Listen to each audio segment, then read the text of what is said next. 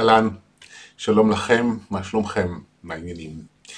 אנחנו uh, נפגשים הפעם בפודקאסט הזה לדבר uh, על זוגיות. Uh, אני רוצה קצת לדבר על, uh, על החוויה שלי ועל ההבנה שלי של הנושא הזה, כשאני בעצם רוצה לדבר על הציפיות שיש לנו מזוגיות, ולמה אנחנו רוצים זוגיות, ולמה קשה לנו בתוך הזוגיות שיש לנו, או אנחנו כל כך רוצים וזה לא קורה. אמ, אני, אני אספר אולי קצת רקע עליי בתחום הזה, אני בן 42, ופחות או יותר, לא הרבה זמן אחרי שהתחלתי לצאת מהארון, אה, התחלתי לחפש חבר. אמ, היו לי כל מיני רומנים, ובעיקר מאוהבויות חד-סטריות, עד שהייתי בן 25, ואז הייתי במערכת היחסים הראשונה שלי, שהייתה אה, חצי שנה בערך. ואחר כך הייתי רווק עוד פעם לעוד איזה חמש שנים, עד שהכרתי את uh, מי שהוא הבן זוג שלי, ובעלי לפי החוקים האמריקאים, uh, ואנחנו ביחד כבר קרוב ל-13 שנה.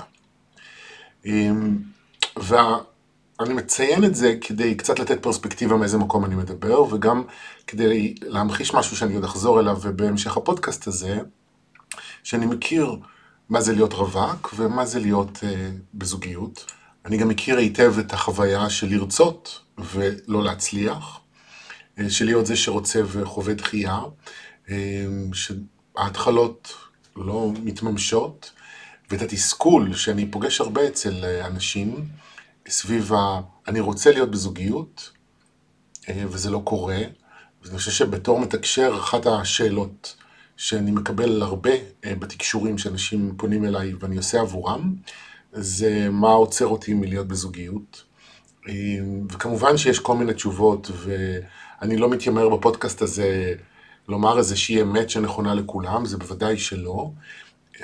אבל אני כן רוצה לדבר על איזשהו היבט מסוים מתוך המכלול של הנושא הזה. וזה נכון לא רק אה, לגבי מה שאני הולך לדבר עליו, נכון, הוא רלוונטי, לא רק אה, ביחס לקושי ליצור זוגיות, אלא גם הקשיים שיש בתוך זוגיות, בדפוס אה, של המריבות הכרוניות שיש הרבה פעמים בתוך מערכות יחסים. כשאני בעצם רוצה לדבר על, על מה אנחנו רוצים כשאנחנו רוצים זוגיות, או כשאנחנו רוצים זוגיות יותר טובה, מה באמת אנחנו מחפשים, אה, ומה באמת אנחנו יכולים לצפות לו. אה, ואני תולה את האחריות למציאות הזו בגורם אחד ספציפי, כמובן שיש יותר מזה, אבל בגורם אחד ספציפי, וזה הסרטי וולט דיסני וסיפורי האגדות שאנחנו גדלנו עליהם, לפחות הדור שלי, אמ, וכמובן הסרטים הרומנטיים שמחזקים ומצטרפים לזה, שהמכנה המשותף שלהם זה איזושהי מצוקה שקיימת, אמ, יש איזושהי חוויה של אה, בדידות, של לבדות, של חוסר מימוש בתחום הזוגי, או לחילופין יש איזושהי מצוקה כזו או אחרת בעקבות איזושהי מפלצת, ואז בדרך כזו או אחרת מגיע הגיבור, אה, בדרך כלל זה הגיבור, אולי היום יש סרטים עם גיבורה, אבל בקלאסי זה הגיבור, ומציל את המצב, ויש איזשהו, כמובן, איזשהו פלונטר, אה, שבסופו של דבר הנסיכה והגיבור מתאחדים, בין אם הוא לוקח אותה מוציא אותם מהדירה בה הייתה לכודה על ידי איזה דרקון מפלצתי, ובין אם הם אה, נפגשים אה, בשדה התעופה רגע לפני שאחד מהם עולה על המטוס, וסוף סוף מישהו מתוודה על אהבתו, וסוף סוף נוצר האיחוד. ואז, בדרך כלל, כשנוצר האיחוד, או כשהאביר מציל את הגיבורה, את הנסיכה מהארמון שלה, הסרט או הסיפור מסתיימים. יש איזושהי אווירה אופורית, happily ever after וכו' וכו'. אבל אף אחד לא מדבר איתנו על מה קורה יום אחרי. אף אחד לא מדבר על המריבות ועל הקשיים שמתעוררים כשהרומנטיקה הזו מתפוגגת. והרומנטיקה הזו מתפוגגת יחסית מהר. היא לא מחזיקה מעמד הרבה זמן, אולי בהשוואה לעבר. אני לא מדבר על עבר של כמובן מאות שנים, לעשרות שנים, ואולי אפילו עשר שנים, הקצב של השינויים שהעולם הזה עובר אה, הוא כל כך גדול, כל כך אה, מהיר הקצב הזה, שאנחנו כבר לא נסחפים באיזה מואבות שנמשכת הרבה זמן, אלא ההתמודדות עם המפגש עם המציאות, עם הפער בין הציפייה שלנו לבין המציאות, המפגש הזה מתקיים כל כך מהר, שאני חושב שזאת אולי הסיבה העיקרית שבגללה אה, זוגות מתחילים לריב, והרבה פעמים גם נפרדים יחסית, מהר יחסית לעבר. אה, ואני החלטתי לדבר על הנושא הזה בעקבות אה, שיחה שהייתה עם מישהי שאני, שאני עובד איתה באופן פרטי, ודיברנו השבוע על זוגיות, והיא רווקה, והיא מחפשת זוגיות, ודיברנו על מה היא בעצם מצפה, מה היא בעצם רוצה.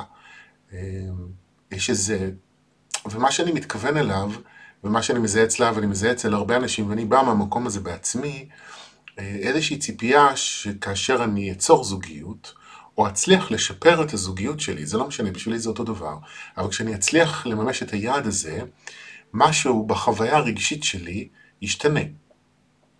אני אפסיק להרגיש את מה שאני מרגיש כרגע. אה, ומה שאני מרגיש כרגע יכול להיות כל מיני סוגים של רגשות. יכול להיות שאני מרגיש כרגע בדידות. יכול להיות שאני מרגיש כרגע שאני לא מוצלח. יכול להיות שאני מרגיש כרגע לא מספיק טוב. אה, יכול להיות שאני מרגיש כרגע אה, אשם, נזוף, מסכן. זה יכול להיות כל מיני רגשות, לפעמים כמובן יותר מרגש אחד שמעורבב שם, אבל יש איזושהי ציפייה, איזו פנטזיה, שכשתגיע הזוגיות, אני אצא מהמצוקה שלי, כמו מה שקורה לנו, לא מה שקורה לנו, מה שאנחנו רואים או שומעים בסיפורי אגדות ובסרטים הרומנטיים.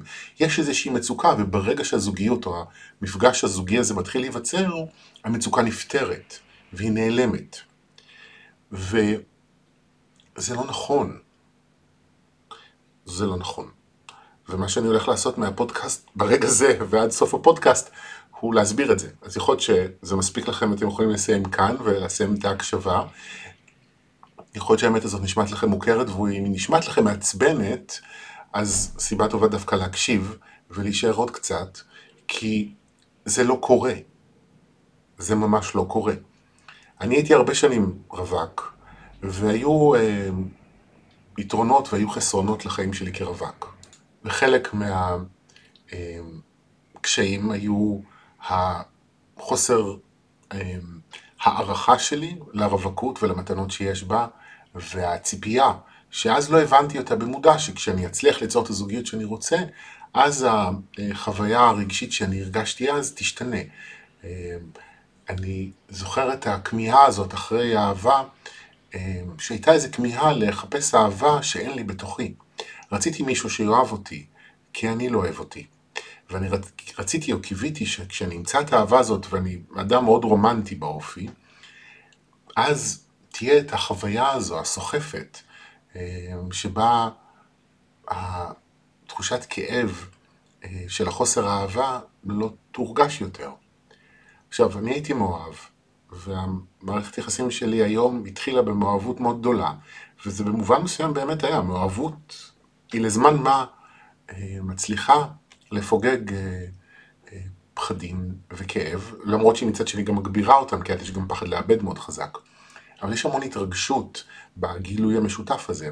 אבל המאהבות מסתיימת באיזשהו שלב, והיום, כמו שאמרתי מקודם, היא הרבה פעמים מסתיימת יותר מהר, אה, ואז מתחילים, חוזרים להרגיש כל מיני רגשות.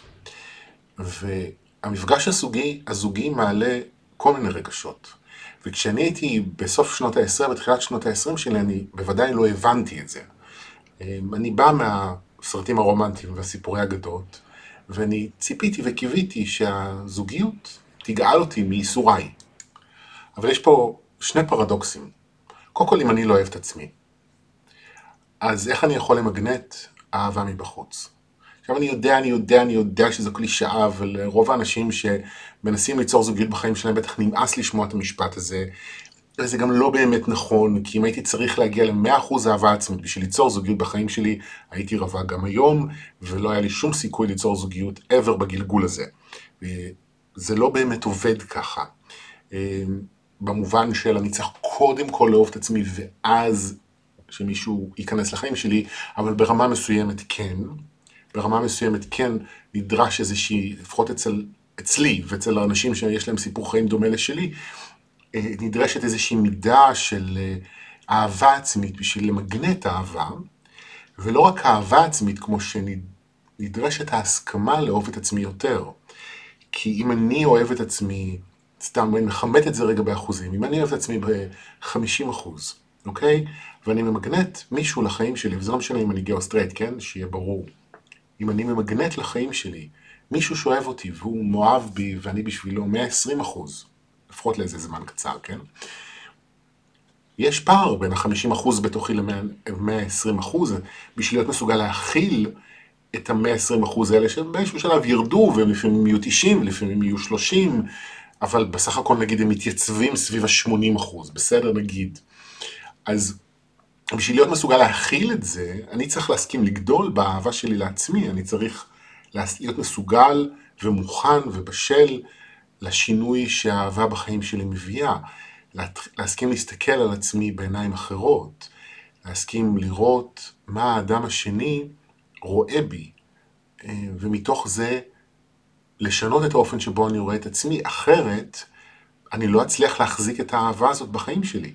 ויכול להיות שאני אעשה איזשהו משהו שיחבל בה באופן לא מודע, אולי הבן אדם פתאום יתפוס מרחק, ואולי זה אפילו לא יקרה מלכתחילה, כי אני לא רק לא אוהב את עצמי מספיק, כמו שאין בי עדיין את הבשלות, ללמוד לאהוב את עצמי יותר ממה שאני אוהב את עצמי כרגע. עכשיו, זה היבט אחד שלא חשבתי לדבר עליו, אבל אני כרגיל לא מתכנן את הפודקאסט הזה בדרך, באופן מובנה. אבל העניין השני שאני אה, רוצה לדבר עליו, זה שזוגיות או אהבה מבחוץ, היא לא לוקחת לי את החוסר שלי באהבה. ואת זה אני לא הבנתי לפני 20 שנה. כשהייתי עמוק בתוך אה, עולם הדייטים ורומנים והרבה אכזבות וכאבי לב, ולא הבנתי אה, את הדברים האלה. לא הבנתי, אני הייתי בטוח שזה מה שאהבה תעשה, היא תגאל אותי מהייסורים האלה. אה, כי הייסורים שאני חוויתי הם לא היו רק מזה שאין במציאות שלי מישהו שאוהב אותי, הם בעיקר, וזה נכון לגבי כולנו, הם בבסיס שלהם העובדה שאני לא אוהב את עצמי. לי יש חוסר באהבה בתוכי, ואני מחפש זוגיות, לק... מחפש אהבה בעצם. וזה לא עובד ככה, זה לא באמת יכול לתת לזה מענה. עכשיו, אני שמתי לב במהלך השנים שאנשים לומדים את מה שאני אומר, מי שלומד כמובן, אה, באחד משני מצבים. יש כאלה שכל הזמן נמצאים בזוגיות, יש כאלה שהרבה שנים לא. אני שייך לקבוצה של האנשים שהרבה שנים לא היו בזוגיות, שאת הרבה מהעבודה, ריפוי והבשלה שאני עשיתי בשביל להיות מוכן לזוגיות שהיא טובה לי, הייתי צריך לעשות בעודי רווק. יש כאלה שעושים את העבודה הזו תוך כדי מערכות יחסים, בין אם הם מחליפים מערכות יחסים או בין אם זה תוך כדי מערכת יחסים ארוכת טווח. אמ, אבל אני, ושתבינו, אני אומר חוסר באהבה ככותרת. את הכותרת הזו כדאי לפרק, זאת אומרת, זו אולי ההזמנה שנמצאת בבסיס של הפודקאסט הזה, זה שתשבו עם עצמכם ותשאלו את עצמכם מה אני מרגיש או מרגישה בתור רווק או רווקה. מה אני מקווה או רוצה שברגע שאני אהיה בזוגיות, אני אפסיק להרגיש. בואו ניקח רגע דוגמה מכיוון אחר. נאמר ואני אה, רווק הרבה שנים או רווקה הרבה שנים, ויש עליי לחץ מהסביבה שלי להיכנס לזוגיות. ואולי אין לחץ ישיר, אבל אני רואה שמסביבי אנשים נמצאים בזוגיות ואני לא מצליח ליצור זוגיות. זו הייתה המציאות שלי הרבה שנים. ויכול להיות שבתוך תוכי אני מרגיש כישלון. ואני רוצה אה, זוגיות, כי אני רוצה להפסיק להרגיש כישלון. זאת אומרת, יש בי גם רצון לחיות בזוגיות, אבל יש בי גם רצון להפסיק להרגיש כישלון. ואלה שני רצונות שהם מעורבבים אחד בשני. והם הרבה פעמים אה, יכולים, הערבוב הזה הוא בדיוק הסיבה שבגללה זה לא מצליח, כי אני צריך קודם כל לעשות רגע איזושהי הפרדה אה, בין הרצונות שלי, לזהות אותם, ואז להפריד ביניהם. זה מצחיק שאני אומר את זה, כי המסע הרוחני שאני עושה כמו כל מסע רוחני מבוסס על חיבור, גם הפודקאסט הזה נקרא מתחברים, אבל הדבר הנכון לעשות פה, לפחות בתור התחלה, זה לעשות איזושהי הפרדה ולראות רגע, מה בעצם אני רוצה? אה, אני רוצה ליצור זוגיות ואני רוצה להפסיק להרגיש כישלון. וכשאני מזהה את הרצונות האלה, אז אני צריך לעשות הפרדה. כלומר, זוגיות אני יכול ליצור, אבל אם אני רוצה באמת להפסיק להרגיש כישלון, זה לא התפקיד של אף גבר או אישה שייכנסו לחיים שלי. תחשבו על הבן אדם שאני עשוי, אותו בן בת זוג פוטנציאליים, שאני עשוי להכיר באיזשהו דייט, ואולי אפילו להיכנס איתם למסע חיים משותף, כשאני בא מראש, אני גם לא רק רוצה, אה, אולי אה, אם אני רוצה אותם, אז לא רק אני רוצה אותם בחיים שלי, או אותו או אותה, אני גם רוצה, רוצה את זה כדי שאותו אה, בן אדם צריך גם לרצות אותי כדי שאני אפסיק להרגיש כישלון. תחשבו איזה תיק אנחנו מפילים על הבני בנות זוג הפוטנציאליים שלנו. זה תיק שאם מישהו היה בא אליי ככה ואומר לי, תשמע, אני רוצה שתרצה אותי גם כי בא לי לחיות איתך את החיים המשותפים, לעשות, לחיות איתך חיים משותפים, אבל אני גם רוצה שתרצה אותי כי אני רוצה להרגיש יותר טוב עם עצמי. הייתי אומר לו, סליחה אדוני, אבל אני אשמח אם אולי להיכנס איתך למערכת יחסים זוגית, אבל לקחת לך את תחושת הכישלון, זה לא התפקיד שלי, אני לא יכול לעשות את זה. ואם מישהו היה בא ואומר לכם משהו בסגנון, אני משער שרוב האנשים, אה, למעט הקבוצה אולי קטנה, אבל רוב האנשים היו באים ואומרים, סליחה, אני לא, זה לא, זה לא התפקיד שלי. אני לא יכול לגרום לבן אדם להפסיק להרגיש כישלון. ואם תנסו, דרך אגב, אתם מהר מאוד תרגישו כישלון בעצמכם. אז לא כדאי לנסות. אמ, עכשיו, זה, זה כישלון, וזה יכול להיות כל תחושה, דרך אגב, גם בדידות. אני רוצה זוגיות כדי להיכנס לזוגיות, ואני רוצה זוגיות כדי להפסיק להרגיש בדידות. ואני רגע עושה הפרדה בין בדידות ללבדות, ואני אומר שבדידות היא חוויה פנימית, היא חוויה תודעתית. היא לא קשורה לכמה אנשים יש בחיים שלי. ואני חושב שרוב האנשים יכולים להתחבר למה שאני אומר כרגע, בגלל שהרבה מאיתנו הרגשנו בדידות גם כשיש לנו חברים בחיים. גם אפילו לפעמים בתוך זוגיות. לפעמים אנחנו יכולים להרגיש בדידות כשאנחנו בחדר מוקפים באנשים. משום שבדידות היא מצב תודעה, היא הפרדה פנימית.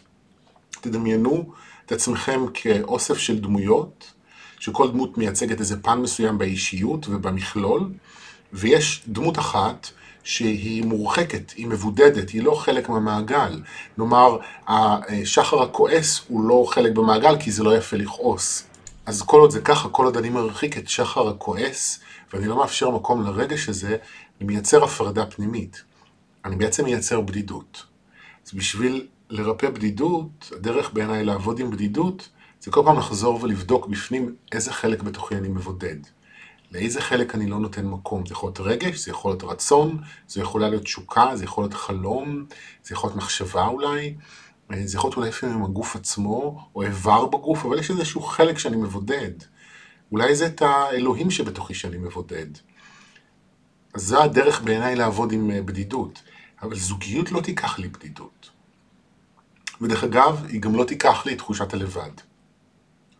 לא זוכר איזה מורה אמר, אדם נולד לבד, הולך לישון לבד ומת לבד. וזה לא משנה, יש לי זוגיות מאוד טובה. החברות שיש ביני לבין שי היא מאוד קרובה, ושי תומך בי ועוזר לי בהמון המון מצבים. שי זה בן הזוג שלי. אבל אני עדיין אומר שההתמודדות שלי עם הרגשות שלי, עם ההחלטות שאני צריך לקבל, אה, עם המציאות שלי ביום-יום, היא ההתמודדות שלי. התמיכה שאני מקבל עוזרת מאוד, יכולה להקל מאוד, אבל היא לא לוקחת לי את האחריות, את הצורך לקחת אחריות, לקבל החלטות, להגיב אה, ולהתמודד עם ההשלכות של זה, שיכולות להיות מלהיבות ויכולות להיות גם כואבות לפעמים. אף אחד לא יכול לקחת לי את המציאות שלי, ואתם יודעים מה, לפעמים עמדתי במצבים שהייתי שמח שיהיה מישהו שייכנס אל תוכי ויקבל החלטות במקומי וירגיש במקומי ויתמודד במקומי, כי אין לי כוח להתמודד עם הדברים, כי הם יכולים להיות כואבים מאוד או מפחידים מאוד. ואני לא מוצא בתוכי את הכוח, את האמונה להתמודד איתם. אז הייתי שמח אם מישהו ייקח את זה ממני, אבל זה לא עובד. לכן זה תמיד מצחיק אותי שאנשים מדברים על זה, שאם אני אכנס לזוגיות זה ייקח לי את הלבד, אבל אומרים את זה לא ממקום של תקווה, אלא ממקום של איום. ואני אומר, זה אותו דבר, זוגיות לא לוקחת לי את הלבד. היא יכולה, היא משנה דברים, אבל היא לא לוקחת לי את התחושה הזו. אה, וזה חלק, יתאכזבו מזה, חלק זה ירגיע אותם. אבל זוגיות לא עושה את כל הדברים האלה.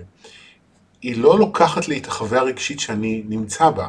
הבן אדם היחיד הבן אדם היחיד שיש לו את היכולת לשנות את החוויה הרגשית שלי זה אני. זה על ידי עבודה רגשית פנימית, אם לקבל עזרה, אני מאוד, מין מאוד גדול בלקבל עזרה, בלרפא את עצמנו. אבל זאת האחריות שלי, ובן זוג לא יכול לעשות את זה. דרך אגב, גם לא מטפלים וגם לא מורים מוכנים וגם לא ישויות. אבל זה עניין כבר לפוסט אחר, לפודקאסט אחר. אמ, אז מה כן?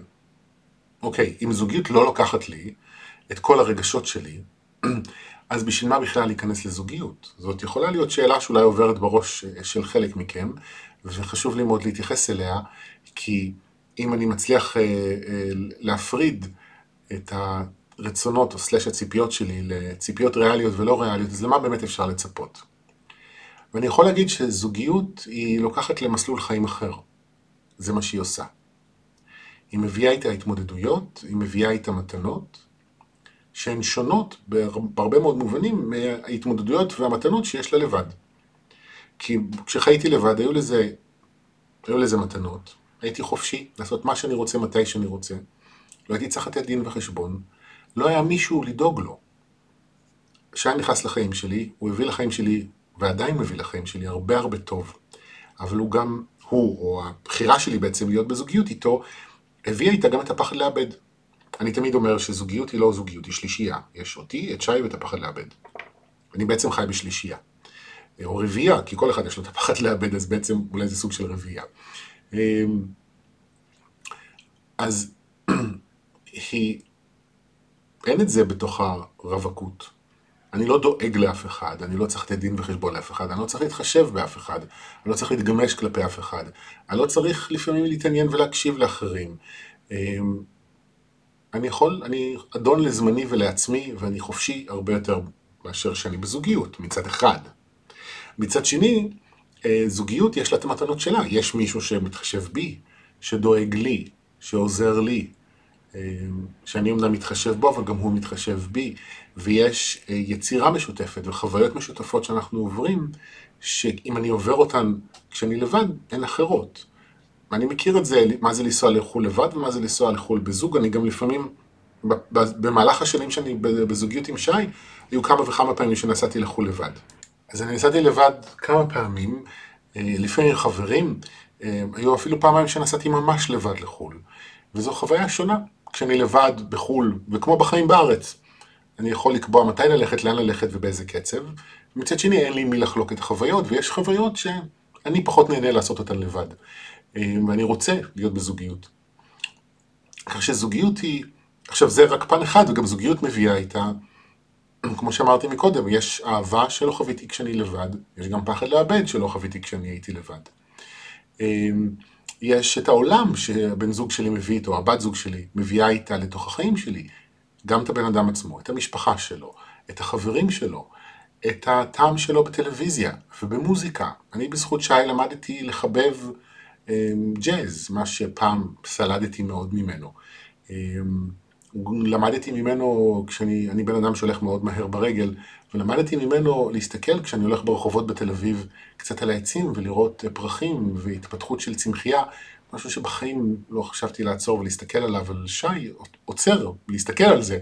וזה גרם, אני למדתי ממנו לעשות את זה וזה נורא כיף. זאת אומרת, הזוגיות מעשירה אותי, היא פותחת אותי לעולמות אחרים, שמחלקם הם מאוד יפים, ולפעמים הם גם כואבים. יש, כמו שאתם יודעים בחיים, כל מיני התמודדויות, ובוודאי גם בתוך זוגיות. אז זה מה שאפשר לקבל בזוגיות. אפשר לקבל בזוגיות הזדמנות לצורת חיים אחרת. ויש אנשים שרוצים את זה, ויש אנשים שלא רוצים את זה, ואני מבין גם את אלה וגם את אלה. היו שנים ברווקות שלי שבכלל לא רציתי זוגיות, היה לי ממש טוב להיות רווק, היה לי ממש טוב בצורת החיים הזו. ואני מרגיש צורך להגיד את זה, בגלל שיש עדיין אנשים שחושבים שהם לא בסדר אם הם לא בזוגיות. אה, למרות שהם לא בהכרח רוצים, ואני אומר, בואו נשבור את הכללים, זוגיות היא לא מצב יותר טוב מרווקות. אה, היא לא פותרת שום דבר, היא פשוט לוקחת אותי לדרך חיים אחרת, ולא תמיד זה מתאים, וזה לא תמיד נכון, וגם כדאי להודות בזה, כי אם אני מספר לעצמי סיפור שאני רוצה זוגיות, אבל בעצם אני לא ממש רוצה כרגע, ולא משנה כרגע אפילו למה, אבל לא כל כך מתאים לי כרגע, אם אני אספר לעצמי את האמת, זה יוריד מהתסכול שלי, וגם יאפשר לי ליהנות יותר מהרווקות שלי. אם הייתי מבין את זה לפני 20 שנה, בטוח היו הייתי עובר דברים יותר קלים, ויכול להיות שגם אמרו לי את זה, כן? אז, אבל אני גם לא הבנתי את הדברים האלה, אני מבין אותם היום. אמ, עכשיו, כל מה שאני אומר, דיברתי בעיקר על, על היצירה של מציאות, של זוגיות במציאות שלי. אמ, האם אני מצליח או לא מצליח ליצור זוגיות, אבל כל מה שאני אומר נכון גם לגבי הדינמיקה ביום יום שלנו בתוך זוגיות. כלומר, יש, אני רואה את זה לפעמים אצל זוגות, אה, מריבות כרוניות. והמריבה הכרונית זה משהו שחוזר על עצמו, כרוני זה כרוני. אני כל הזמן מתעצבן על בן או בת הזוג שלי, על ההתנהגות מסוימת, על האופן שבו הם מתנהגים. והסיבה שאני מתעצבן היא, בסופו של דבר, אני רוצה שהבן או בת הזוג שלי יתנהגו אחרת, כדי שאני אפסיק להרגיש את איך שאני מרגיש. למשל, אני שומע לפעמים תלונה מנשים, אמ, אני לא זוכר ששמעתי את זה מגברים, אבל אני לא אומר שזה לא קורה, מנשים שהבני זוג שלהן אמ, כאילו משאירים את הבגדים על הרצפה ולא אוספים את הבגדים אחריהם. זה נורא מעצבן לפעמים אה, נשים מסוימות. שוב, אני גם יכול להיות הפוך, כן, אני לא מנסה להישמע פה שוביניסט. פשוט זה החוויות שאני נחשפתי אליהן עד היום. והסיבה שזה מעצבן, זאת אומרת, צריך לברר מהי. ולפעמים זה יכול להיות זה מעצבן, כי אה, זה מזכיר למישהי את אה, הבית שהיא באה ממנו, את אימא שלה, שכל הזמן שירתה את אבא שלה, והיא אמרה לעצמה בגיל צעיר, אני לעולם לא אהיה במצב הזה, ואז היא מגיעה לגיל מבוגר, ומוצאת את עצמה במצב שמזכיר לה, גם אם זה לא בדיוק אותו דבר, אבל זה מזכיר לה את, ה, אה, את אימא שלה, וזה מזכיר לה את אימא שלה במקום כנוע. והיא אומרת לעצמה, אני לא רוצה להרגיש כנועה. והנה, אני מוצאת את עצמי מרגישה ככה, ואני מנסה להגיד לו, ואני מנסה לדבר איתו, ואני לא מצליחה, והוא לא שם עליי. וזה יכול לעורר המון המון כעס ותסכול, כי החוויה הרגשית בסיטואציה כזאת, היא, אני מרגישה כנועה, ושלא מקשיבים לי ולא אכפת ממני, ואני לא רוצה ולא מוכנה להרגיש ככה. וקחו את זה, אפשר במקום כנועה להגיד המון המון דברים. בהתאם לטריגר, בהתאם לסיפור חיים שלנו, בהתאם לרגשות על הפטורים שיש בתוכנו. זה יכול להיות כל מיני רגשות. אבל שוב, העניין הוא, זה ההצעה, מי שמתחבר לדברים שאני אומר, זה לחזור ולבדוק, אוקיי, אני רוצה שהבן או בת הזוג שלי ישתנו. למה? איזה, מה אני מרגיש היום בסיטואציה, בדינמיקה המסוימת היום? איך אני מרגיש? ורגע שאם הבן אדם השני ישתנה, אני אפסיק להרגיש אותו.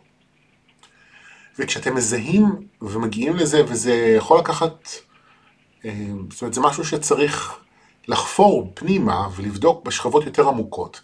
אה, להגיע לרגש, איזשהו רגש ספציפי, ולא תמיד אפשר לעשות את זה לבד, צריך לפעמים מישהו חכם להתייעץ איתו, מישהו שיקשיב לכם. כשאתם מגיעים לרגש הזה, זה הנקודה לעצור ולהבין שאת הרגש הזה אף אחד לא יכול לשנות. זאת אומרת, ההתנהגות של בן או בת הזוג שלי הם טריגר, הם לא הדבר עצמו. והאחריות לשינוי החוויה הרגשית ולריפוי של המקום הזה הוא שלי. וכשאני מוכן לקחת אחריות, ומתחיל להחזיר, במקום לדרוש מהבן או בת הזוג שלי להשתנות, אני מתחיל לשנות ולרפא את עצמי, קודם כל זה כבר משנה את הדינמיקה, כי אני מפסיק להיות קורבן, אבל אני מתחיל, אה, אני מסיר מבן או בת הזוג שלי את התפקיד שאני שם עליהם.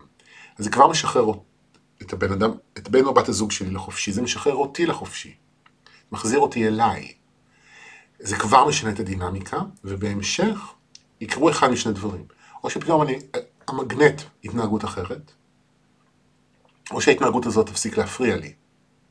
ויש מקרים גם שלמרות השינוי שאני עושה, אני מגיע למסקנה שאוקיי, אני כבר לא כועס על בן אדם, אני מפסיק לריב איתו, אבל אני לא באמת רוצה לחיות איתו, וגם זו יכולה להיות מסקנה. בקיצור, אני מסכם את הפודקאסט הזה ואומר שהמפתח שאני מציע, אחד מיני, כל מיני מפתחות שקיימים, בשביל אה, ליצור זוגיות ובשביל לשפר זוגיות, היא לבדוק למה אנחנו רוצים את זה. אה, ולהיות כנים עם עצמנו ולעשות איזושהי הפרדה פנימית בשביל ליצור את הייחוד שאנחנו באמת יכולים ליצור בתוך המפגש של הביחד. זהו, אני מקווה שזה עזר לכם ושזה מדבר אליכם. ספרו, שתפו אותי בתגובות אם יש לכם שאלות, התחברתם, לא התחברתם, אני אשמח לשמוע. זהו, ותודה, ושיהיה לנו חג אה, חנוכה שמח. ביי ביי.